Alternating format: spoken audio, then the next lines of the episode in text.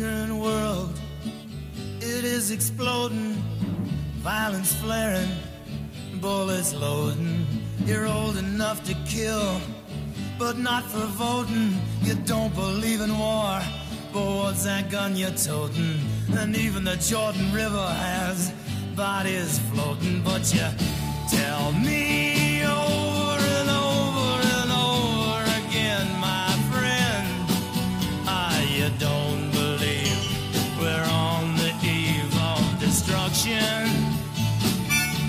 Merhaba sevgili Geek Teori takipçileri. Tek Gerçek Podcast'a hoş geldiniz. Buz ve Ateş'in şarkısı serisini bölüm bölüm incelediğimiz podcast'ın bu bölümünde taht oyunları Eddard 15 bölümüne bakacağız. Bu bir tekrar okuma podcast olduğu için spoiler uyarısını yapayım. Her şeyden bahsedebilirim. Yayınlanmış 5 kitap, dizi, yan kitapların hepsi, kış rüzgarlarından yayınlanmış bölümler ve yazarın söyleşileri. Bu bölüm sizlere konsey üyelerimiz tarafından getirildi.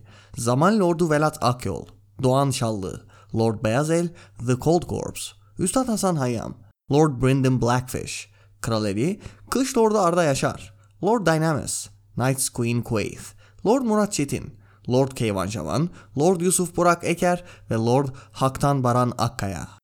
Katıl mevzusunu Kreosus'tan devam ettiriyoruz. Oradan destekleyenlere, özellikle vaat edilmiş destekçi olarak gelen Dynamis, Murat Çetin ve Yusuf Burak Eker'e teşekkür ediyorum. Açıklamadaki linkten sayfaya bir göz atabilirsiniz. Bunu da söylediğime göre özete geçelim. Yerdeki saman yığını idrar kokuyordu. Bir pencere, bir yatak, hatta bir tuvalet kovası bile yoktu. Evet, bölüm bu cümleyle açılıyor. Ned, Kızıl Kale'nin derinliklerindeki kara hücrelerde ve adı üstünde burası kapkaranlık. Bacağı acıyor ve hiçbir şey göremiyor. Kör olduğu söylenebilir ya da ölü. Kralıyla birlikte gömülmüş.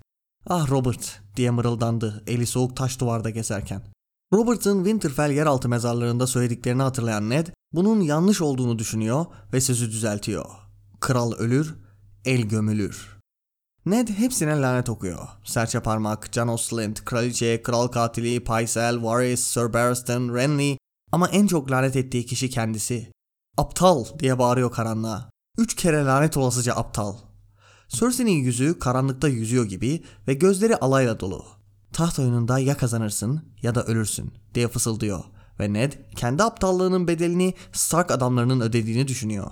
Kızlarını düşündüğünde hıçkırarak ağlamak istiyor ama acısı ve öfkesi içinde buz tutmuş gibi. Hareket etmediği zaman canı daha az acıyor. Uyuyup uyanıyor ama hangisi daha acı verici onu bilemiyor. Uyuduğunda karanlık, rahatsız edici, kan ve tutulmamış sözlerle ilgili rüyalar görüyor. Uyanık olduğunda da düşünmekten başka yapacak bir şey yok ve düşündüğü şeyler en kötü kabusundan beter. Catelyn'in ne yaptığını ve onu bir daha görüp göremeyeceğini merak ediyor. Günler geçiyor. Ned'in duyduğu tek ses sadece kendi nefesinin sesi. Bir süre sonra sadece bir ses duyabilmek için bile kendiyle konuşmaya başlıyor. Aklını yitirmemek için yapıyor. Karanlıkta umuttan kaleler inşa ediyor. Aklında Robert'ın kardeşleri Ejderha Kayası ve Fırtına Topraklarının kuvvetini toplayıp geliyor. Catelyn kuzeyi ayağa kaldırıyor. Alan ve Harwin Gregor'u öldürüp şehre geri dönüyor. Robert hakkında çok fazla düşünüyor. Tabi genç Robert. Kaslı ve boynuzlu bir tanrı gibi göründüğü haliyle. Robert, şu halimize bak Ned diyor. Bu hale nasıl geldik? Beni bir domuz öldürdü ve sen buradasın. Biz birlikte bir taht kazanmıştık. Robert'ı yarı yolda bıraktığını düşünen Ned ona yalan söylediğini, onu öldürmelerine izin verdiğini düşünüyor. Robert onu duyup cevaplıyor. Sen kasıntı bir aptalsın. Dinlemeyecek kadar gururlusun. Gurur yenilebiliyor mu Lord Stark? Onur'un çocuklarına kalkan olabilecek mi? O sırada kralın yüzü çatlayıp açılıyor ve maskeyi çıkaran Baelish sırıtıp Ned'le alay ediyor. Koridordan ayak sesleri geliyor ve kapı açıldığında gelen ışık gözünü yakıyor. Zindancı önüne bir testi su veriyor ve Ned konuşmaya çalışsa da cevaplamadan gidiyor.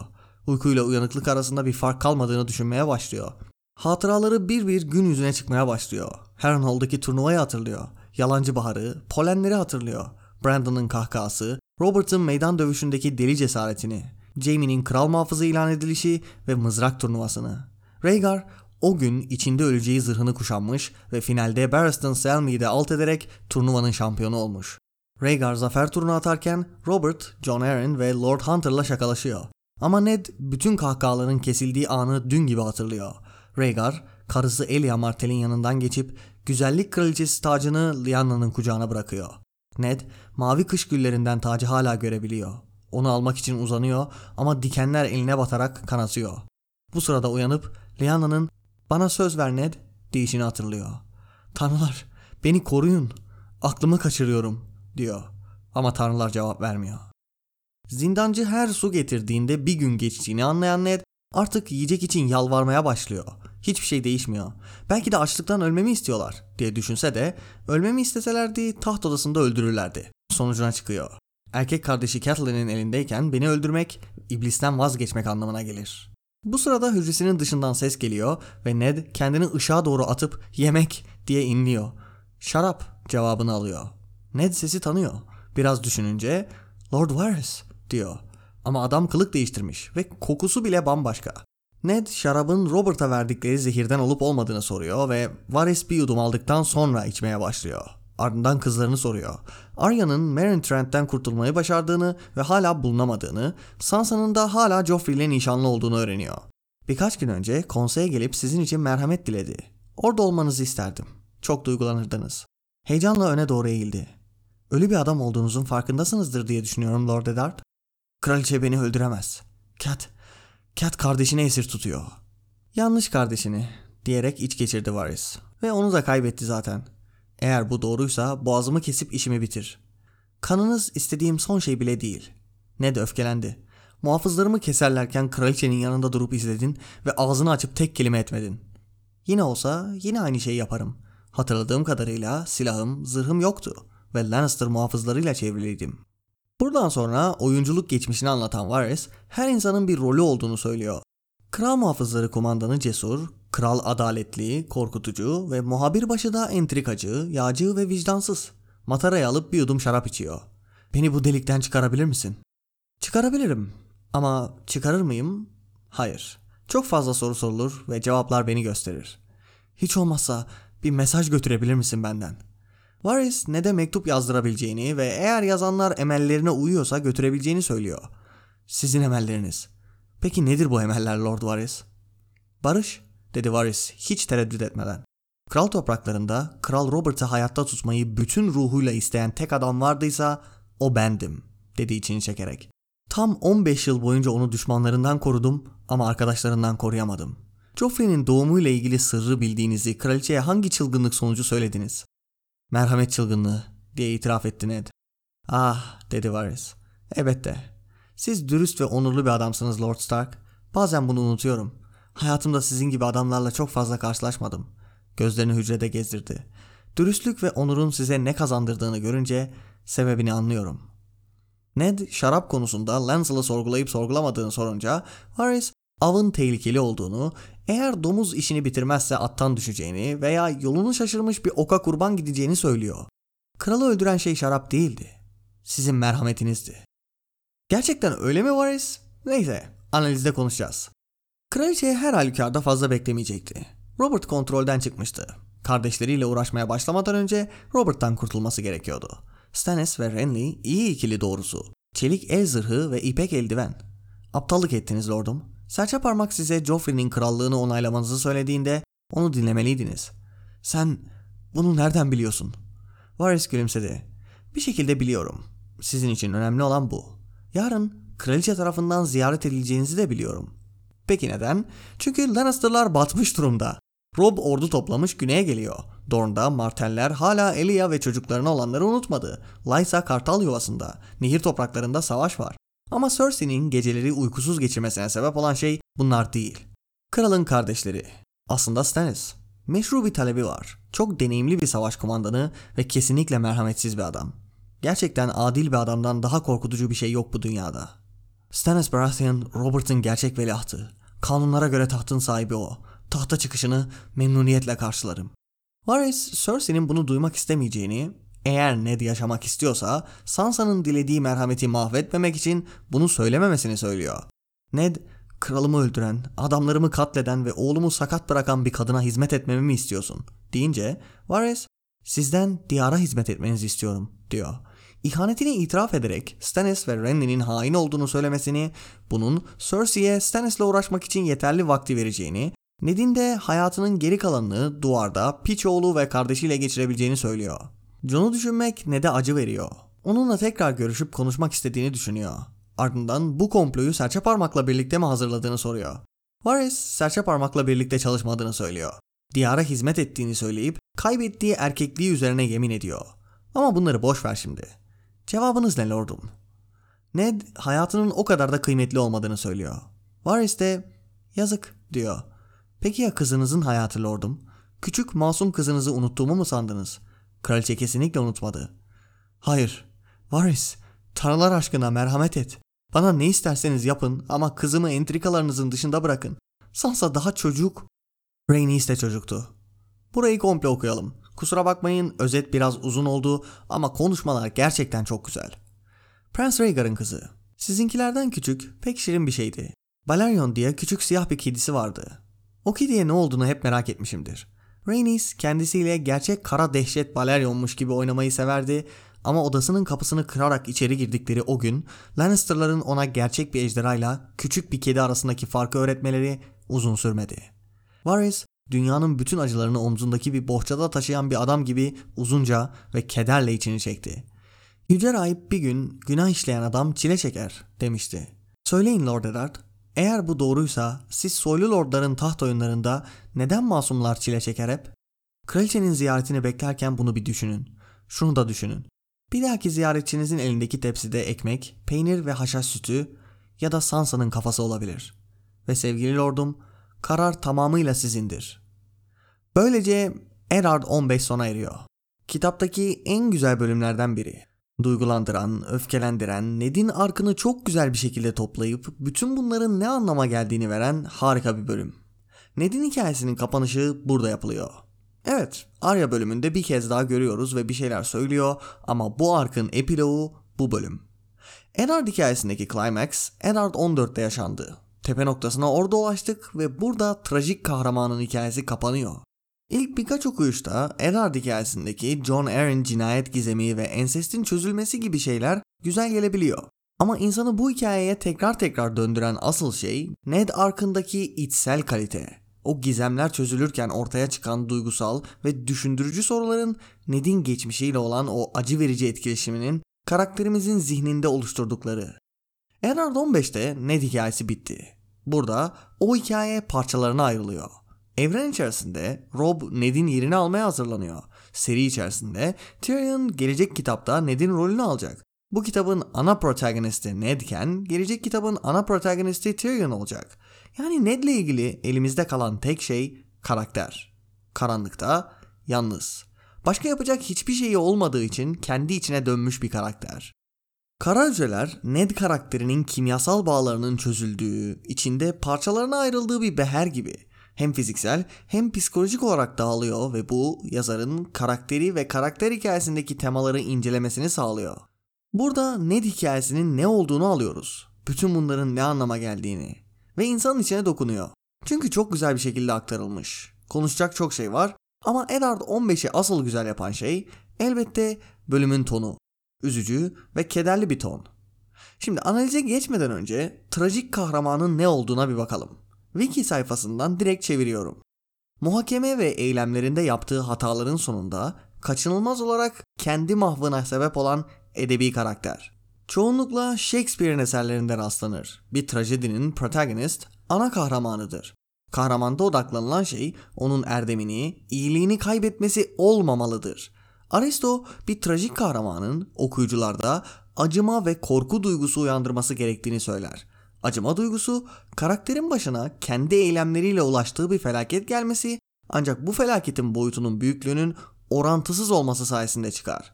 Korku duygusuysa okuyucunun benzer durumlarda aynı şeyin kendi başına da gelebileceğini düşünmesiyle ortaya çıkar. Şimdi fark ettiğiniz üzere bu trajik kahraman tanımı Buz ve Ateş'in şarkısındaki birçok karaktere uyuyor. Hatta ilk özel bölümümüz olan Stannis'le ilgili bölümü dinlerseniz Shireen'in yakılması konusunda yazarın yapmaya çalışacağını düşündüğüm şeyin okuyucuda acıma ve korku duygusu uyandırmak olduğunu konuşuyoruz. Korku duygusunun hikayede gerçekleşenler sebebiyle eğer sadece vazife, adalet, doğruyu yapmak ve mantıkla hareket eden biriysem yeri geldiğinde kızımı yakmaya bile ikna edilebilirim düşüncesinin ortaya çıkmasıyla elde edildiğini konuştuk. Veya Daenerys hikayesi. Kahramanın iyi amaçlar ve barış için hareket etmesi ancak bir noktadan sonra daha acımasız, daha savaş yoluna yatkın birine dönüşmesi. Veya Quentin. Kahramanın bile isteye ejderhanın ağzına yürümesi. Örnekler çoğaltılabilir. İşte Eddard 15 bölümü trajik kahramanın kendi içine dönmesini veriyor. Shakespeare oyunlarında trajik kahramanın sona doğru kendi içine dönerek yaptığı o monolog gibi öleceğini anladığında hayatına son bir bakış attığı o kısım. Martin Eddard 15 bölümünde Shakespeare oyunlarındaki o kısmı romanındaki bir bölüm yapmış ve ortada teatral bir hava var. Hatta kostüm giymiş olan Varys gelip oyuncu olarak yetiştirildiğini, her insanın aynı tiyatrodaki gibi hayatta bir rolü olduğunu falan söylüyor. Shakespeare oyunlarında hayatın bir perde olduğu, insanın hayat denen sahnede rolünü yaptığı gibi metaforlar bulunuyor. Yani yazar yine iş başında. Benim Shakespeare hakkındaki bilgim çok yüzeyseldir. Buna rağmen Buz ve Ateş'in şarkısında birçok Shakespeare göndermesi yakalıyorum. Ve seriyi Shakespeare üzerinden inceleyen 2-3 kişinin analizlerini okuduğumda Martin'in Shakespeare'den inanılmaz ilham aldığını, aşırı etkilendiğini gördüm. İşte Eddard 15 bölümü ve aslında Ned hikayesinin geneli Shakespeare oyunlarından ilham alınmış. Elbette söz konusu Martin olduğu zaman tek bir ilhamdan söz edemiyoruz. Bunun için Meta Video Part 3 ve Forsaken bölüm incelemelerini dinlemeniz yeterli. İşte bu trajik kahramanın kendi içine dönüp de hikayesini, hayatını gözden geçirdiği kısmı yazan Martin bunu yapmak için harika bir ortam seçmiş. Çünkü bu kara hücreler karakteri bunu yapmaya zorluyor. Kapkaranlık bir ortamda, ölümün eşiğinde, kendisiyle baş başa kalan ve burada günler geçiren bir insan Ned gibi davranırdı. Hayatını düşünür, içine dönüp kendini incelerdi. Yani analizin plot kısmına geçmeden önce bölümün geçtiği ortamı bir ele alalım. Minimal bir ortamdayız. Ufak ve karanlık bir odadayız. Bir tarafta samanlar var ve sidik kokuyorlar. Renk paleti siyahtan oluşuyor. Pek ayrıntılı değil. ilgi çekici de değil. Bu yüzden zaten asıl ayrıntının olduğu yere Ned'in düşünce ve rüyalarına geçiyoruz. Unutmayın, yazarın tarifiyle fantastik edebiyat rüyaların dilinde olandı. Bu yüzden zaten Harrenhal turnuvasını, renkleri falan orada alıyoruz. Yani bölümü asıl kuvvetli yapan şey direkt ortamda yatıyor. Bölümü asıl güzel yapan şeyin Ned'in içsel düşünceleri olduğunu söyledim evet. Ve işte bu içsel düşüncelere sebep olan şey bu ortamın kendisi. Bölümde diğer bölümlere göre daha azimli bir stil hakim. Yazar gözü yukarılara dikmiş. Hikayesel bir challenge yapmış adeta. Karanlık bir kutuda geçen bir bölüm okuyoruz. Bir adam var ve karanlık bir kutunun içerisinde. Günde bir su içebiliyor. Aslına bakarsanız bütün bölüm bu temelin üstüne kurulmuş. Sanki yazarlık derslerinde verilen ödevler gibi. Alın ve bunu ilginç hale getirin. Çünkü savaş geçen, kovalamaca bulunan, gizem üstüne gizem atılan bir hikayede ilgi çekmek için vereceğiniz uğraşla bu tarz bir bölümde vereceğiniz uğraş arasında dağlar var. Veya Kral İl turnuvası bölümleri gibi şaşalı ve her yerinden başka bir karakter, her karakterde başka bir kıyafet, zırh ve şövalyeler. En çok da şövalyelerin bulunduğu bölümlerde de aynı işte. O tarz bölümlerde okuyucuyu sıkmamak için yapmanız gereken şeyle buradaki farklı. Zaten Eddard 15 bölümü Sansa 2 gibi bir bölüme bile isteye kontrast yapılan bir bölüm. Rengarenk turnuva ve kapkara bir hücre. Yine zaten bölümün içerisinde de bu veriliyor. Kendi zihninde umuttan kaleler inşa etmeye çalıştığı geçiyor. Kapkara hücredeyken gençliğini, geçmişini düşünen Ned, Harrenhal turnuvasına Westeros'un gördüğü en şaşalı zamanlara gidiyor. Bunlara tutunmaya çalışıyor ama özette de gördüğümüz üzere o imgeler, o zamanlar ona saldırıya geçiyor. Yani Eddard 15 iki yöne birden uzanıyor. Önceki bölümlerde Buz ve Ateş'in şarkısı serisinin ne romantik fantastik eserler ne de grimdark fantastik eserler gibi olmadığını ama bu ikisinin bir birleşimi olduğunu konuşmuştuk. Ve bu bölüm bu konuda güzel bir örnek oluyor. Daha gerçekçi, daha acı, daha karanlık olan hücreyle rüyaların rengarenk diyarı arasında gidip geliyoruz ve iki tarafta da efkar, özlem, arzu hakim. Ned bir noktada rüya ile gerçek arasındaki farkı unutmaya, uyku ile uyanıklık arasında bir fark olmadığını düşünmeye başlıyor. İşte sana Spektrum'un iki ucu ve onların birleşimi. Buz ve Ateş'in şarkısı serisi bu işlemle sentez edilmiş. Uykuyla uyanıklık arasındaki bir yerde bulunan bir seri. Fantastik edebiyatın zengin yüzeyini terk etmeyen ve bunu grimdark konularla yani kasvetli politik durumlar, umutsuz şiddet ve hepsinden de öte karakterlerin içsel çatışmalarıyla harmanlayan bir seri. Fantastik edebiyatın grim dark yönüne gitmek veya klasik fantastik edebiyatı tekrardan aynı olduğu gibi yazmak yerine ikisini birleştiren bir seri. Martin bu ikisinin birbiriyle bir ilişkisi olduğunu söylüyor ve bu tarz bir sentez, bu tarz bir birleşim evren içerisindeki ideali de yansıtıyor. Kılıçların fırtınasında Melisandre iki tane var diyor. Karanlık ve aydınlık üzerinde ısrar ediyor. Net sınırlardan, katı bir ikili sistemden söz ediyor. Ama ondan önceki bölümde yani Bran bölümünde Reed'lerle beraber dağ ve vadinin birleşiminden bahsediliyor. Sevgi ve nefretin, buz ve ateşin birleşiminden bahsediliyor. Ve Martin ikililik yerine birleşim tarafında. Serinin tamamı bunun üstüne. İsminde bile bunu görüyorsun. Buz ve ateşin şarkısı. Buz ve ateş, karanlık ve aydınlık, sevgi ve nefret birleşmiş. Bir uyum içerisine gelmiş ve ortaya bir şarkı çıkmış. Bölümün sonunda bu birleşim konusuna geri döneceğiz. Tabi sürekli birleşimi işleyen Martin bunun da doğru ve yanlış yollarla olabileceğini işliyor. Euron karakteri ve Forsaken bölümü incelemesinde yanlış bir sentezin, yanlış şekilde birleşmenin nasıl olduğunu verdiğini konuştuk. Ve Forsaken'ı sadece bunun için işaret etmiyorum. Orada da karanlıkta, zamanın durduğu bir noktada ölümün, sükunetin içerisindeki bir karakterin içine dönüp bütün bunların ne anlama geldiğini çözmesi vardı.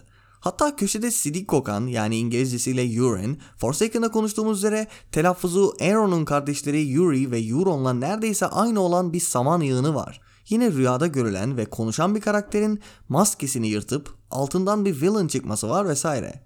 Peki o zaman hazır sidik demişken bölüme geçelim. Açılış cümlemiz idrar kokusuyla yapılıyor.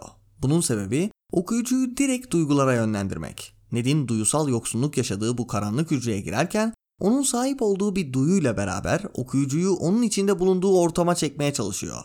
Benzerini Ejderhaların Dansı'ndaki ilk Theon bölümünde göreceğiz. Hücresindeki Theon tarafından ısırıldığında ciyaklayan fareler. Zaten Eddard 15'te de ne de yiyecek verilmediği geçiyor. Yatağı yok. Acıdan artık zonklayan bacağının fiziksel acısı var. Ses yok. Yani bazı duyuları elinden alınmış ama sahip olduğu duyuların hepsi acı veriyor veya koku alma gibi iğrendiriyor. Bu da psikolojisini etkiliyor. Zaten hala hazırda Robert ve kendisi adına ölen adamlar için keder ve suçluluk hissediyor. Kızlarına ne olduğunu bilmemenin acısını çekiyor ama ağlayıp rahatlayamıyor bile. Ve tabii ki de böyle bir ortama düşmüşken gelebilecek olan kendini suçlama hissi var. Kendine aptal diyor ve kendine sövüyor. Yani özetle bölümün girişi pek de tartışmalı sayılmayacak olan hücre hapsinin ne kadar da berbat bir şey olduğunu gösteriyor. Yani genel olarak hapis sistemi zaten çözdüğünden çok daha fazla soruna yol açan bir sistem ama neyse. Ned'in durumunu konuşursak insanlar böyle yaşamaya uyumlu varlıklar değil. Böyle bir duruma sokulduğunda sadece fiziksel şiddet değil psikolojik yaralar da alıyorsun. Yani Ned tanrılar beni koruyun aklımı kaçırıyorum diye ağladığında yazarın karakteri sınırlara ittiğini görebiliyorsun. Karakterin özünü incelemek için onu paramparça ediyor ve bu uzun zamandır kullanılan bir yöntemdir. Elinden her şeyini alırsın. Ve Eddard 15'te Ned'in kral eli nişanı yok. Adamları yok. Kızları yok. Lordları yok. Düşmanları bile yok. Bunun yerine sadece Ned var. Ve Ned'in zihnine tam bir giriş yapıyoruz. Dikkati dağıtacak hiçbir şey yok. Bölüm her ne kadar karanlık olsa da ilk kez okurken bir umut ışığı varmış gibi geliyor. Ned'in zihnine girdiğimizde orada umuttan kaleler inşa ettiğini görüyoruz. Catelyn kuzeyi ayaklandırıyor, Stannis ve Randy birleşip saldırıyor vesaire. Elbette içinde bulunduğu durum çok kötü. Bacağı zonkluyor, aç ve günde bir kez su içtiği için susuz. Ama işte ilk kez okurken bütün bu karanlığı, zorlukları, Ned'in içerisinde bulunduğu bu durumu canavarın midesi olarak alabiliriz. Forsaken'da da konuştuğumuz üzere rahim evresi veya canavarın midesi evresi kahramanın yolculuğundaki kısımlardan biridir. Ve karakterimiz aşırı kötü bir durumda en dibe vurmuş olduğu andadır. Her şey olabilecek en kötüye gider. Karakter değişim geçirir ve canavarın midesinden kurtuluruz. Ama tekrar okuyanlar olarak biliyoruz ki bu bölümde canavarın midesinde falan değiliz. Her ne kadar ilk kez okurken Ned'in o umuttan kalelerini veya bu karanlığın kendisinin aslında canavarın midesi olabileceğini düşünsek de artık durumun öyle olmadığını biliyoruz. Yazar bize bölümde nerede olduğumuzu söylüyor. Artık hiçbir şey göremez olmuştu. Karanlık mutlaktı. Kör olduğu söylenebilirdi. Ya da ölü. Kralıyla birlikte gömülmüş. Evet, burası Ned'in tabutu. Ned'in mezarındayız. Onu dünyaya bağlayan her şeyden kopmuş, iskeletiyle beraberiz. Eli soğuk taş duvarı hissederken her hareket edişinde bacağı zonkluyordu. Kış yarının mahzen mezarında Robert'ın yaptığı şakayı hatırladı. Kral yer, el pisliğini toplar demişti. Nasıl da gülmüştü. Ama yanılmıştı. Kral ölür, el gömülür diye düşündü Ned. Burası onun mezarı. Zaten bu yüzden öldüğünü düşünüyor veya bu yüzden Varys gelip ölü bir adam olduğunuzu biliyorsunuzdur diyor. Veya bu yüzden Winterfell yeraltı mezarlarını hatırlıyor. Orası da kara hücreler gibi karanlık ve meşhum. Orası da bir kalenin derinliklerinde ve Bran ve Rickon Ned'in mahzen mezarlarda olduğunu gördüklerinde bir açıdan bu bölümü de Ned'in tabutunu, Lahdin'i de görmüş oluyorlar. Ned'in zihninin içine girmeden önce şu ortam ve Ned'in üzerindeki etkileri konusunda son bir şeye bakalım istiyorum. Hücresinin dışından gelen zincir şıngırtılarını duydu. Kapı gıcırtıyla açılırken kendini ışığa doğru attı. Meşalenin alevi gözlerini kamaştırdı. Yemek diye inledi. Şu kısa pasaj içimi yakıyor. Ned Stark'ın kendini kapının açıklığına doğru atıp yemek diye inlemesi insanı üzüyor. Önceden kızlarına ne olduğunu falan soruyordu. Artık sadece yemek istiyor. Ve yine yazarın bu durumu romantik bir şekilde ele almadığını görüyoruz. Ned orada 5-6 gün durduğu halde kızlarını soruyor hala bakın gibi gerçeklikten uzak bir yere gitmiyor. O noktaya gelmişken eğer bir şey sorabilecek kadar gücün varsa kızlarını değil yemeği sorarsın. Bu noktaya geldiği halde kızlarını sordurarak bakın karakter kızlarını ne kadar da seviyor demiş oluyorsun. Evet ama bunu ucuz yoldan yapıyorsun. Ned burada yemek sordu diye kızlarını onun daha romantik hali olan kızlarını soran versiyonundan daha az sevmiyor. Söylediğim gibi o ucuz bir yöntem. Peki bunu da geride bıraktığımıza göre Ned'in zihnine girebiliriz. Karakterin özünü ve geçmişini veren o imgelere. Burada aldığımız imgeler Neşe Kulesi rüyasından farklı işliyor. Orada tek bir olay verilmiş ve bölüme devam etmiştik. Burada ise parça parça görüler alıyoruz. Bazıları karakterin geçmişinden, bazıları hayalinden fırlayan imgeler bunlar. Burada daha çok Bren'in rüyası gibi bir şey alıyoruz. Ama Ned'in aradığı şey kehanetimsi imgeler falan değil. Onun aradığı şey hayatının anlamı. Varys ona gelip de ölü bir adam olduğunuzu biliyorsunuz dediğinde Ned bunu biliyor. Bu yüzden ölü kralıyla gömüldü diye düşünüyor. Şu an bütün bunlar ne anlama geliyor sorusunun cevabını arıyor. Bu yüzden görüler onun düşüşünü getiren günümüzdeki villainlarla sınırlı değil. Yani Baelish ve Cersei gibi. İkisi de görülerde Ned'le dalga geçiyor. Onlarla beraber o kişilerin daha genç versiyonları denilebilecek, daha saf versiyonları denilebilecek kişileri de içeriyor. Robert ve Lyanna. Ve görüde Robert'ın Baelish'e dönüştüğünü görüyoruz. Cersei'yi de Lyanna'ya bağlayabileceğimiz noktalar var. Yani bu karakterler paralel falan demiyorum. Ama Lyanna öldükten sonra Robert Cersei ile kaldı. Onun kulağına Lyanna diye fısıldadı. Yani burada aldığımız şey Lyanna ve Robert'ın gençlik imgelerinin temsil ettikleri bütün o söz, sevgi ve umutların Cersei ve serçe parmağa dönüştüğü. Ned'in arkının özeti gibi bir şey bu. Ned ve Robert'ın konuşması itibardan düşüş, yüce ideallerden düşüşü anlatıyor. Şu halimize bak Ned, dedi Robert. Tanrılar, biz bu hale nasıl düştük? Sen buradasın ve beni bir domuz öldürdü. Biz birlikte taht kazanmıştık. Ve burada büyük bir hüzün var. Biz birlikte taht kazanmıştık. Olabileceğimiz en iyi haldeydik. Önümüzde kocaman bir hayat vardı. Şarkı ve hikayeleri yaşıyorduk Ned. Şuna bak. Ne hale geldik. Ardından Ned Harrenhal turnuvasını görüyor. Her şey yanlış olmadan, her şey kötüye gitmeden hemen öncesi. Ve sanırım seride iyi bir hayatı temsil eden nihai an Harrenhal turnuvası. Yazar seride bize berbat bir yer veriyor. Karakterlerin neredeyse hepsi ya daha çocuk ve saf ya da geçmişin hayaletleriyle yaşıyor. İşte bütün bu büyükler hüzünlü ve kırılmışlar. Westeros hüzünlü bir yer. Peki mutlu olduğu bir an var mıydı? Söylediğim gibi seride bunu temsil eden yer Harrenhal turnuvası. Bütün bu jenerasyonun durmadan aradığı ve bir daha asla ulaşamayacağı o an. Kahkaha, seks, şarap, savaşın acı bir gerçek değil de bir oyun olduğu, aşk dolu bir yer. Şövalyeler, lordlar, halk, herkes eğleniyor. İçinde küçük dramalar barındırıyor. Ve elbette ılık bir hava. Kışın gidişi hissi. Ama bunun yalancı bahar olduğunu biliyoruz. Günümüzdeki Ned de biliyor. O turnuvadan beri Robert öldü. Bir sürü Stark öldü. Ve zaten görü böyle bitiyor. Bütün kahkahaların kesildiği an. Öyle bir cümle ki bu turnuva özelinde veriliyor olsa da söylediğim üzere bütün bu hüzünlü jenerasyonu da anlatıyor. Bu kitabın ismi taht oyunları değil de kahkahaların öldüğü an bile olabilirdi yani. Kitaptaki her hikayeyi içine alan bir söylem. Sansa, Arya, Bran, Ned, Catelyn hatta hikayesinin sonuna doğru Daenerys. Ve işte geldik Rhaegar'ın Lyana'yı taşlandırmasına. Geçmişi günümüzle kirletilmiş bir şekilde alıyoruz ve bu muazzam bir şey. Sadece olanları okumuyoruz. Çünkü söylediğim üzere Ned'in zihnindeyiz ve bütün bu anı günümüzle zehirlenmiş. Rhaegar'ın zırhını tarif ederken o güzel zırha odaklanılmıyor, odaklanılamıyor. Önce başka bir düşünce geliyor. Artık Ned o zırhı düşündüğünde şu düşünce de beraberinde geliyor. Ama mızrak müsabakası başladığında gün Rhaegar Targaryen'ın günüydü. Veliaht Prens içinde öleceği zırhı giymişti o gün.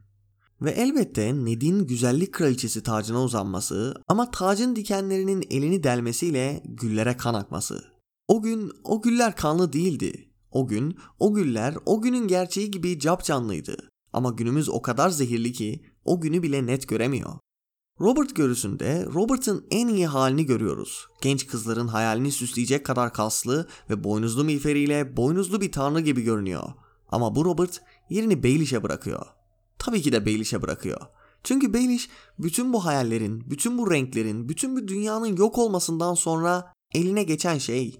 Önceden birçok kez konuştuğumuz üzere o da gençti ve o da hayallere sahipti. Onun için bütün şarkı ve hikayelerin öldüğü an Brandon'la düellosuydu.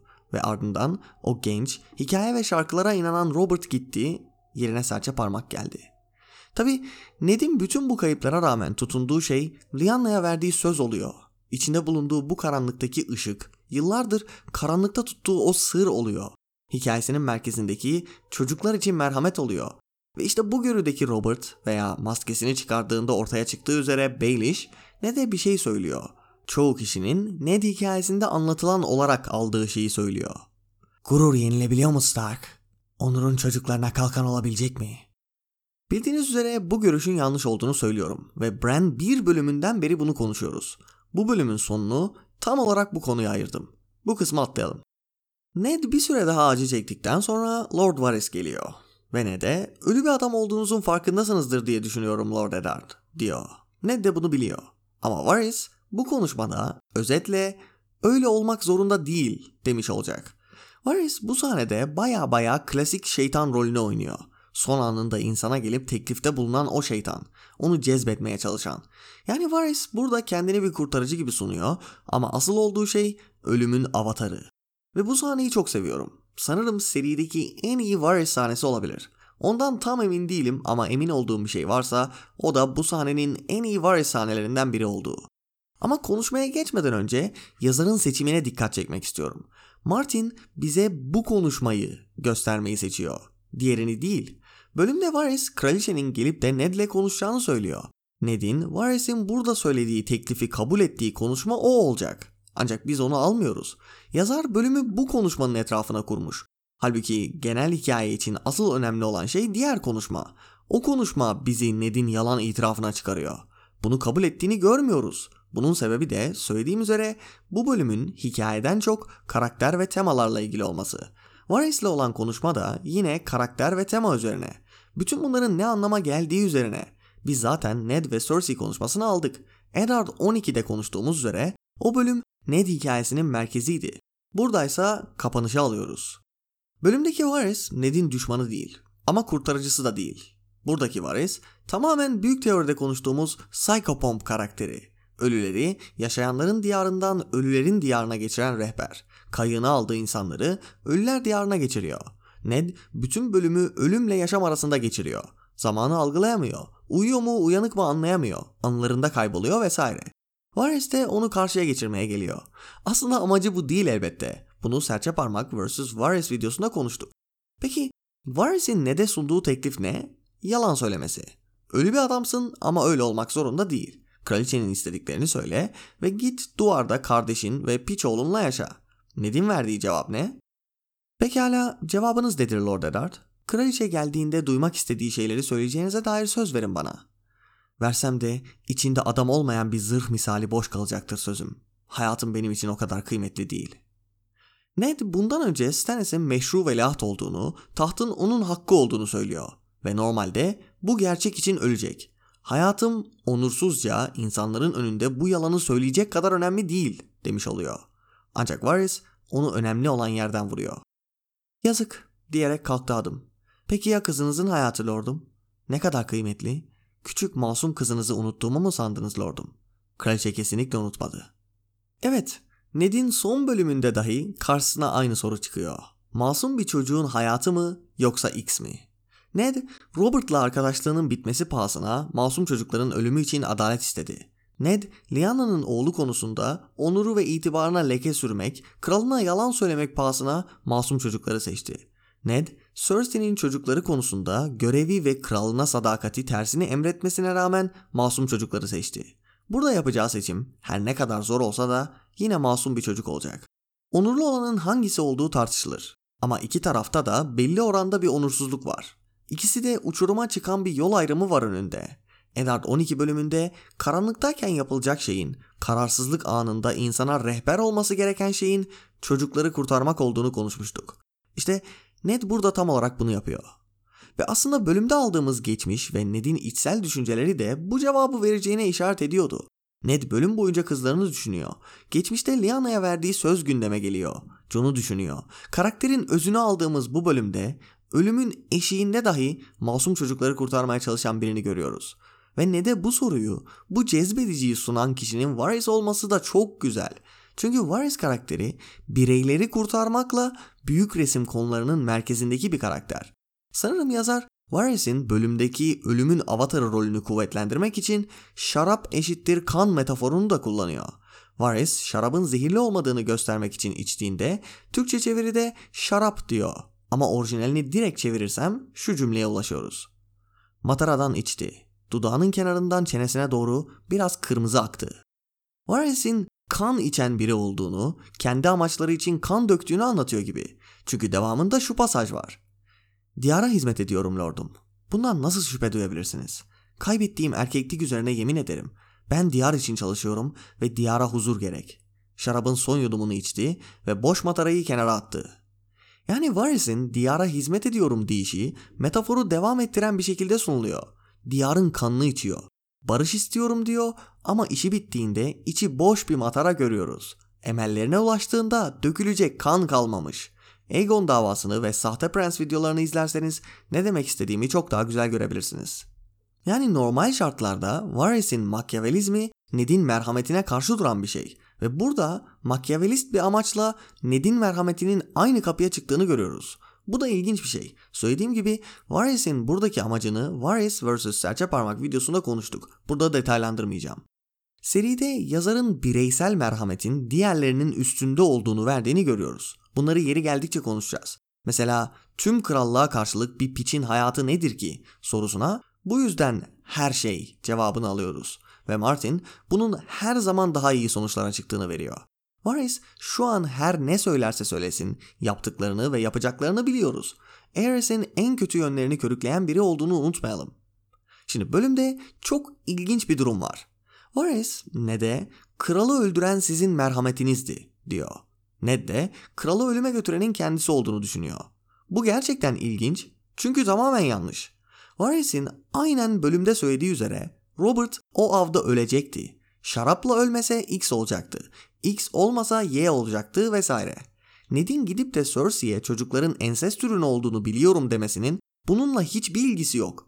O şarap zaten Lancel'a verilmişti. Diğer planlar zaten kurulmuştu. Varys kendisi söylüyor bunu. Yani Ned'in Robert'ı yüzüstü bıraktığını düşünmesi tamam. Ama Robert'ı öldürenin Ned'in merhameti olması alakasız duruyor. Eddard 12 bölümünde Cersei o kadar açık bir şekilde konuştu çünkü Robert'ın o avdan geri dönmeyeceğini biliyordu. Ned hikayesinin Shakespeare'ımsı bir hikaye olduğunu konuştuk ve Ned hikayesinin Brutus'le inanılmaz paralellikleri olduğunu anlatan bir blog var. Ve bu bloğa göre bu replik Brutus'un Caesar'ı öldürmesine Ned Robert açısından bir paralellik koymak için var. Ned zaten kendini suçluyor ve bununla bu mevzuya iyice değinilmiş oluyor. Ama bu replik bundan çok daha fazlası için var. Ned Stark hikayesinde hangi tropların işlendiğini, hangi hikaye elementlerinin nasıl da adım adım takip edildiğini konuştuğumuz bir video yaptığımda burada ne kastettiğimi daha güzel açabileceğim. Ama Varys'in bu sözü hakkında bu bölümde de konuşmamız gereken önemli bir şey var. Bu sözler inanılmaz garip. Çünkü Varys'in amacını düşünün. Bölümün içerisinde Varys, Sansa sizin için harika merhamet diledi diyor. Hem de birkaç kez tekrarlıyor bunu. Ardından bölümün sonunda Ned'deki merhamet duygusunu kullanmaya çalışıyor. Kendi hayatını önemsemeyen Ned'i teklifi kabul etmesi için masum kızına olacakları anlatarak çekmeye çalışıyor. Rainey ise olanları anlatarak da bunu perçinliyor. Yani bölümde Ned'in merhamet duygusunu körüklemeye çalışan Varys'in konuşmaya merhamet ederek hata yaptınız gibi bir şey söyleyerek başlaması çok garip. Yani bu cümleyle anlatılmak istenen başka bir şey varsa ben kaçırıyor olabilirim. Ama anlatılmak istenen şey kesinlikle Varys'in amacı ve diğer söylediklerini düşününce merhamet ettiniz ve kral bu yüzden öldü, bu bir hataydı olmamalı. Ama öyleymiş gibi duruyor. Ve adamın merhamet duygusunu körüklemeye çalışan Varys'i düşününce bu çelişiyor. Anlatmak istediğim şey meta anlamda bu sözün vermek istediği şeyin gerçekten de katman katman olduğu. Ama hikayede bunu söyleyen kişinin Varys olmasını oturtamıyorum. Seride anlamlandıramadığım şeylerden biridir. Varsa bir açıklaması olan yardımcı olursa sevinirim. Ama bunu geride bırakırsak Varys'in Baratheon kardeşler hakkındaki konuşması geliyor. Stannis ve Renly iyi ikili doğrusu. Çelik el zırhı ve ipek eldiven. Ve bu tanımı çok seviyorum. Çünkü Stannis ve Renly'nin eğer birlikte çalışsalar aslında ne kadar da durdurulamaz bir ikili olduğunu gösteriyor. Ama aynı zamanda neden beraber çalışamayacaklarını da veriyor. Yani muazzam. İkisi muazzam şekilde iyi polis kötü polisi oynayabilir. Veya Dora'nın söyleyeceği üzere yılan ve çimen. Gerektiğinde çelik el zırhını, gerektiğinde ipek eldiveni giyerek politika, savaş, yönetim, kanunlar vesaire bir sürü konuda inanılmaz işler çıkarabilirler.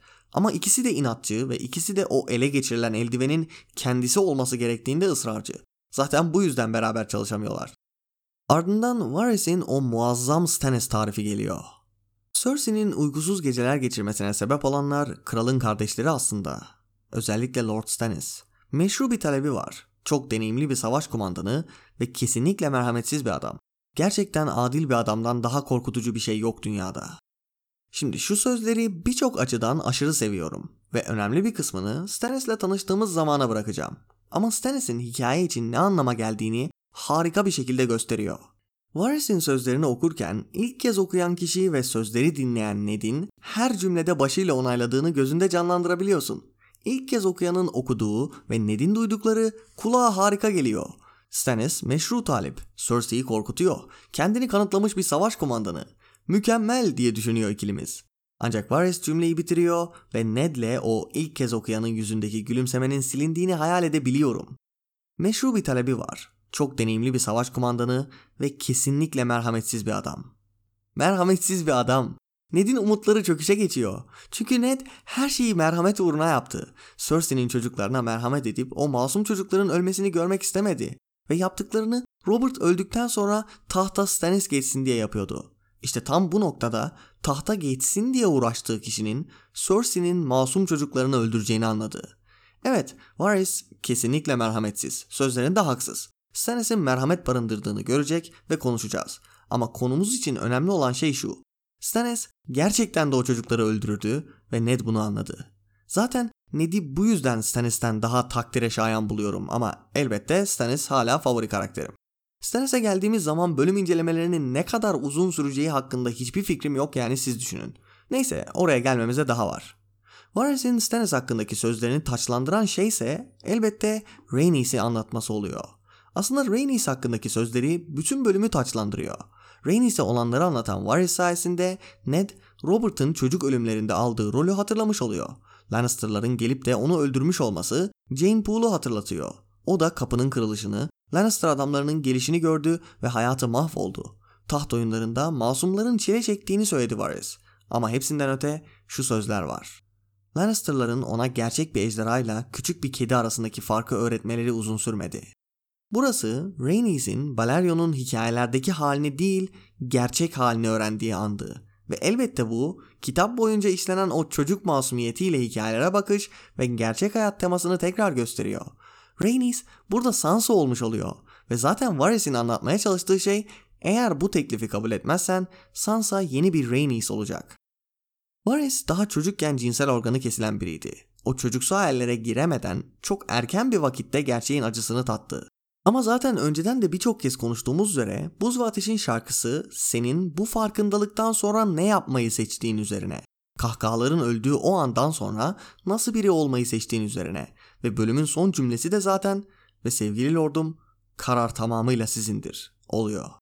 Cevabımız şarkı ve hikayeler gerçek hayatı yansıtmadığında serçe parmağa dönüşmek olmamalı. Tazıya dönüşmek olmamalı. Merhameti bırakmak olmamalı.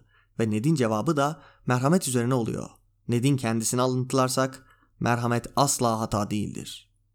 Bununla beraber ima ve altyapılara geçelim. Altyapı olarak alabilir miyiz emin değilim ama Eddard 15 bölümü gelecek bir sürü hapis bölümüne temel oluyor. Seri boyunca birçok karakterin hapsedildiğini göreceğiz ve neredeyse hepsinin izini Eddard 15'e kadar takip edebiliyoruz.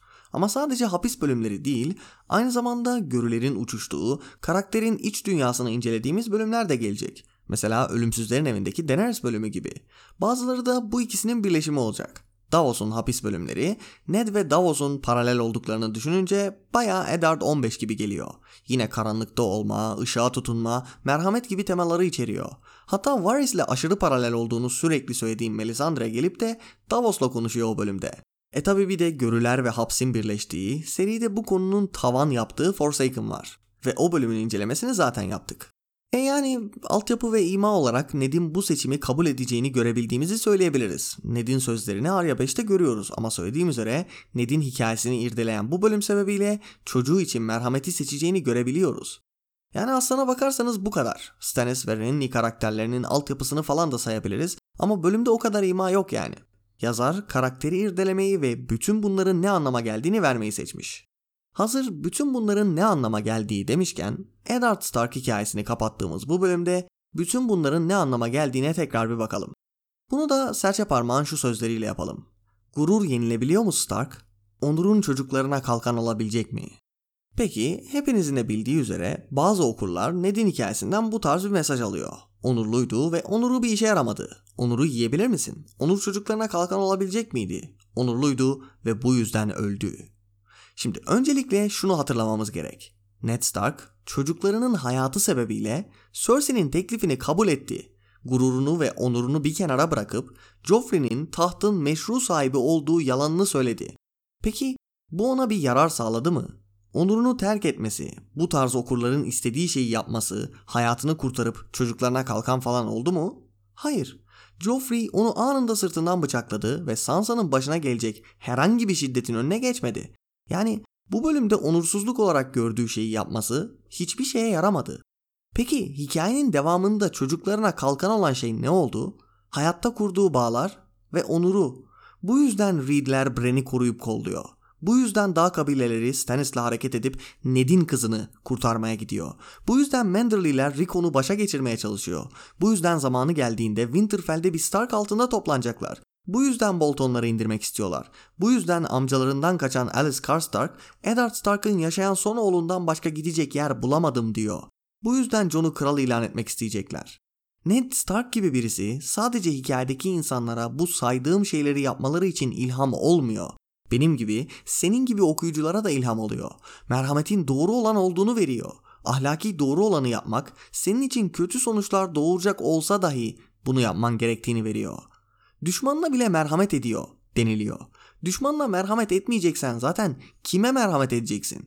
Ned gidip de Cersei'nin çocuklarını kurtarmak için hamle yaptığında sadece seri içerisindeki insanların saygı ve sevgisini değil, benim ve bir sürü okurun da saygı ve sevgisini kazanıyor. O konuşmada çok güzel bir detay vardı. Onu bu bölüme sakladım çünkü aynı sözler bu bölümde de mevcut. Görüdeki Cersei ne de Eddard 12'de söylediklerini söylüyor. Taht oyunlarında ya kazanırsın ya da ölürsün. İkisinin arası yoktur. Gerçekten de öyle mi? Analizin başında ikililiklerden bahsetmiştim. Grimdark Fantasy ve klasik fantastik edebiyat. Melisandre'nin iki tanrı olduğunu söylemesi. Aydınlık ve karanlık. Buz ve ateş. Ama işte Buz ve Ateş'in şarkısı serisinde yazar hep birleşimlerden, sentezlerden bahsediyordu. Buz yakabiliyorsa ateş de donabilirdi. Serinin adı bile buz ve ateşin birleşerek oluşturduğu bir şarkıyı içeriyor. İşte Cersei burada bir ikililik daha sundu. Taht oyunlarında ya kazanırsın ya ölürsün. Kazanmışsan yaşıyor, ölmüşsen kaybetmişsindir. Ama böyle olmak zorunda değil. Bir sentez de olabilir, bir birleşim. Cersei'nin bu sözlerinin yanlış olduğunu gösterecek bir harmoni. Birisi taht oyunlarını oynayıp hem ölüp hem kazanamaz mı? Cevap için Ned Stark'tan öteye bakmaya gerek yok. Dizinin son sezonunda Dan ve Dave'in George Martin'le yaptıkları konuşmalardan yola çıkarak serinin nasıl sonuçlanacağının madde madde listesini aldık. Bu noktalara nasıl ulaşılacağı neredeyse tamamen farklı olacak. Ancak ulaştığımız noktaların çok azı değişecektir. Hepinizin bildiği üzere bunlardan en tartışmalısı Kral Bran mevzusu ve ben birçok noktada Bran'in kral olmasının çok güzel oturduğunu konuştum. Artık beni başka türlüsü Bran'in kral olması kadar tatmin edemiyor. Ama önemli olan kimin neyle tatmin olduğu değil. Elimizdeki liste. Sansa kuzeyin kraliçesi. Bran geri kalan Westeros'un kralı. Jon duvarın ötesindeki kral. Bütün Westeros'un hakimiyeti Ned Stark'ın çocuklarında. Evet, bu seri Bran bir bölümünde de söylediğim üzere Ned Stark'ın doğru olduğunu anlatıyor. Diğer haneler özellikle Tywin Lannister mirasından bahsederken Ned Stark'ın mirası Stark'ların bütün Westeros'a hükmetmesi oluyor.